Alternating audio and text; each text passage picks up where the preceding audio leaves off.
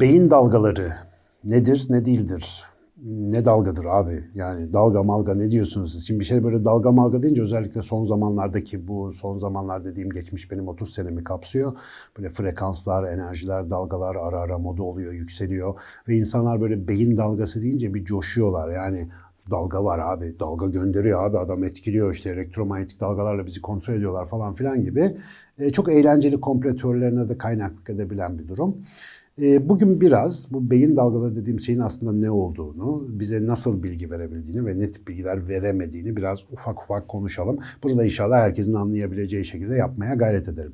Efendim beyin kafamızın içinde bir organ. Aslında vücudumuzun bir parçası. Tuhaf bir organ. Zaten hayatımız onu anlatarak geçiyor. Açık beyine girin. Her tıkladığınızda beyinle ilgili en az 2-3 tane yazı zaten bulacaksınız ama Bugün beyne bakmak istediğimiz yer, daha önceki bir soru yorumda da biraz anlatmaya çalıştığımız o elektrikle çalışan tarafı. Beynimiz işte hücreler dediğimiz bileşenlerden oluşuyor. Yaklaşık 80-90 milyar tane sinir hücresi ve e, neredeyse onlar kadar da işte yardımcı ya da glia hücreleri dediğimiz hücrelerden müteşekkil.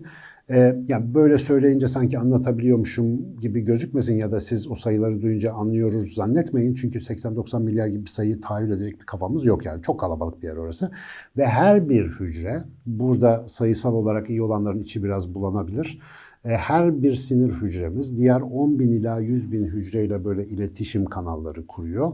Ve yine her bir hücre 10 bin ila 100 bin farklı hücreden de girdi alıyor. Yani çok geveze ve çok konuşkan hücreler. Bunlar devamlı birbirleriyle sayısız bağlantıyla bağlı. O kadar karışık bir yapı var ki beynimizin kabuk bölümünün 1 santimetre küplük parçasını alıp içindeki hücreler arası bağlantı noktalarını saymaya kalkarsanız 100 trilyondan fazla bağlantı noktası görüyorsunuz. Yani göremiyorsunuz aslında böyle olduğunu tahmin ediyorsunuz.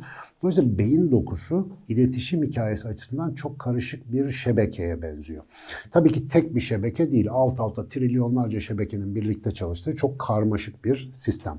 Peki bu haberleşme nasıl oluyor? Daha önce bahsettiğimiz gibi bu hücreler diğer bütün hücrelerde olduğu gibi bir elektriksel pil gibiler ama piller burada elektrik atımları yaratıp birbirlerine mesajlar gönderebiliyorlar. Şimdi bu mesajların tabiatı elektriksel olduğu için açık böyle lisedeki bilgilerimize başvuracak olursak elektrik akımı aynı zamanda bir elektromanyetik alan yaratıyor. Yani bir yerden bir elektrik giderken etrafında da bir alansal bir değişiklik oluyor. Burada hocam o alan nedir diye sorarsan ben fizikçilere de sordum. Bilen yok. Alan. Yani öyle bir şey. Mesela manyetik alan. Ne? Mıknatıs tozlarını diziyor. Ama alanın kendisinin ne olduğunu bilmiyoruz. Yani nasıl bir atom altı parçacıkla enerjiyle o alanın olduğunu pek bilmiyoruz. Alan böyle şey. Yani fizikte işte alan diye geçiyor. Bir de anlıyoruz genel olarak biz ne demek istediğimizi. Elektrik ve elektromanyetik alan da böyle bir şey. Ve bizim beyin dokumuz çok aslında bayağı makroskopik büyük bir şey. 1,5 kilo ağırlığına yakın 1,4 kilogram ağırlığında bir et parçasından bahsediyoruz. Ee, bunun özellikle dış yüzeyinde çok yoğun haberleşmenin olduğu korteks diye bir kısım var. Şimdi burası öyle bir yer ki yani birkaç animasyonu var yani buraya koyabilirdim ama koymuyorum çünkü çok acayip yanlış yönlendirici. Yani hayal etmeye kalksanız gözünüzün önüne getiremeyeceğiniz kadar karmaşık. Böyle bir şey düşünün trilyonlarca telefon hattının e, böyle bir tek şöyle yarım metrelik kutuya bağlı olduğu bir santral düşünün ve kabloların her birinin kıl gibi olduğunu düşünün. Tamam mı? Hepsi böyle üst üste bağlanmış falan.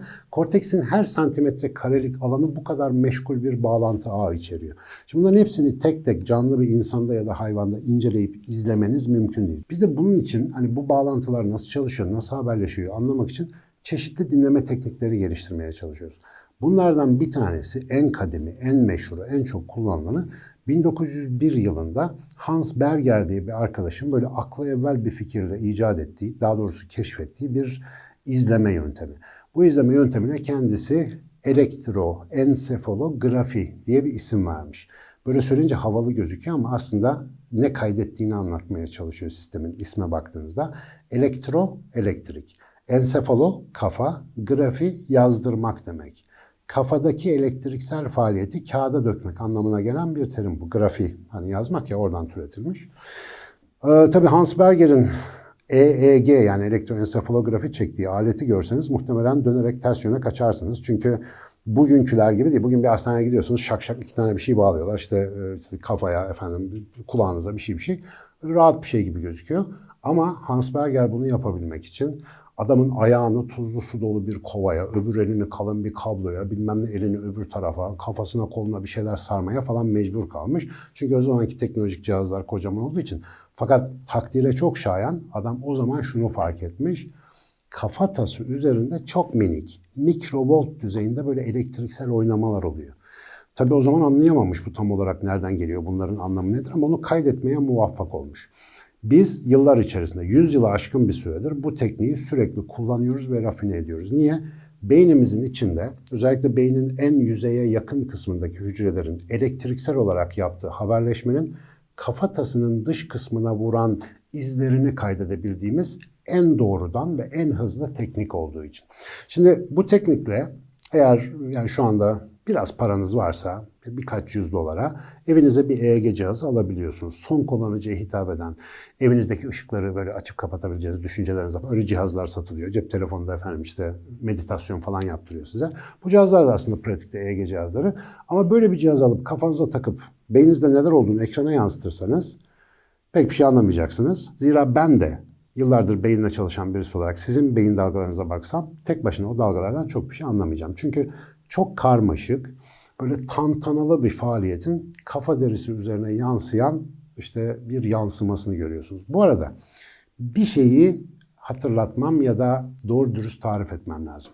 Beyin kafatası üzerine elektriksel bir yansıma yapıyor diyoruz da beyinle kafatası arasında acaba neler var? Bu elektriğin nereden geçip de yukarı kadar çıkması gerekiyor? Şimdi ona bakınca durum biraz komik gözüküyor.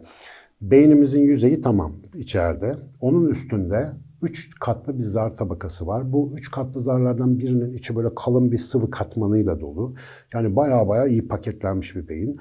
Onun üstünde biliyorsunuz bir sunta gibi kafa kemiği var ama kafa kemiğinin içinde ve dışında kalın birer zar var. Bu zarlar böyle hakikaten muşamba gibi zarlar yani bayağı kalın kemiğin iki tarafını çevrelemiş. Sonra kemiğin üstünde bayağı kalın bir yağ tabakası var. Sizin kilonuzdan bağımsız yani derinin kendi altında bulunan yağ tabakası.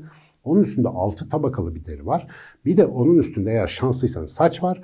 Bir de ondan sonra onun üstüne bir şey koyup aşağıda beyni dinliyorsunuz. Bu neye benziyor? Sıklıkla derslerimde verdiğim örnek. Gürültülü bir caddedesiniz. Bir düğün salonunun kapısında duruyorsunuz ama düğün salonu 3 kat aşağıda. Siz kapıyı dinleyerek gürültülü trafiği de işte bir şekilde göz ardı etmeye çalışarak aşağıda ne olduğunu anlamaya çalışıyorsunuz. EEG tam böyle bir teknik. Beyin dalgalarını okumaya çalışırken biz kapıyı dinliyoruz. Tek bilebileceğimiz şey ne? Aşağıda silahlar patlıyorsa ya Karadeniz düğünü var ya cinayet işleniyor. Yani ikisinden bir tanesi olduğunu anlayabiliriz. Ses yoksa düğün salonu kapalı. Burada bugün düğün yok diyebilirsiniz. O kadar. Yani kız tarafı nereli, işte halası ne taktı takı olarak falan bunları bilebilmenizin pek imkanı yok. Ne yapmanız lazım? E tabii ki kapıyı açıp içeri gireceksiniz. Üç kat aşağı ineceksiniz. Orada olup bitenleri gözlemlemeniz lazım. Şimdi normal hayatta biz bunu nasıl yapıyoruz aşağı inmeyi? Beyin ameliyatında kafayı açıyoruz, elektrotlar takıyoruz, görüntülemeler kullanıyoruz. Ama siz bir hastaneye gittiğinizde her seferinde kafanızı açsalar hoşunuza gitmez. Dolayısıyla çoğu zaman kapıdan dinlemekle yetinmek zorunda kalıyoruz. İşte bu beyin dalgaları dediğimiz hikayeler böyle beynin faaliyetinin suyunun, suyunun, suyunun, suyunun, suyunun, suyunun, suyu. Bu arada sayısını bilerek bu suyunun diyorum. 14 tane bu suyunun demem lazım. O suyunun suyundan geçmiş bir özütünü çok uzaktan yankı şeklinde duymak gibi bir şey. Ama çok şükür ki özellikle işte 90'lardan sonra gelişen dijital teknolojilerimiz sayesinde biz bu dalgaları bilgisayar ortamına kaydedip çok sofistike böyle sinyal analiz teknikleri dediğimiz mühendislik analiz teknikleriyle ayrıştırıyoruz. Bunların içindeki farklı bileşenleri ortaya çıkarabiliyoruz ve bayağı bir bilgi elde edebiliyoruz. Ama hala bilgimiz şu düzeyde. Bir başka benzetme kullanacağım. Evinizde çamaşır makinesi çalışıyor. Çamaşır makinesinin üstüne elinizi koyunca ne oluyor? Dırr bir titreşim oluyor değil mi? Ne kadar yeni bir makine olursa olsun hafif titreşir o. Ve farklı modlarda farklı titreşimler verdiğini fark etmişsinizdir. Yani titreşimlerin frekansları farklıdır. Mesela su alıyorsa makine daha yeni yıkamaya başlıyor. Or, or, or, or diye böyle bir düşük frekanslı boğuk bir ses gelir. Eğer makine yıkamaya başlarsa vır vır vır vır diye biraz daha yüksek frekanslı daha iyi duyulan bir ses gelir. Mesela sıkıyorsa diye böyle değil mi? Çok daha yüksek frekanslı bir ses gelir. Ve siz titreşimleri dinleyerek bir süre sonra makine yıkıyor mu, sıkıyor mu, kurutuyor mu, su mu alıyor. Bu modların hangisinden geçtiğini tahmin edebilirsiniz.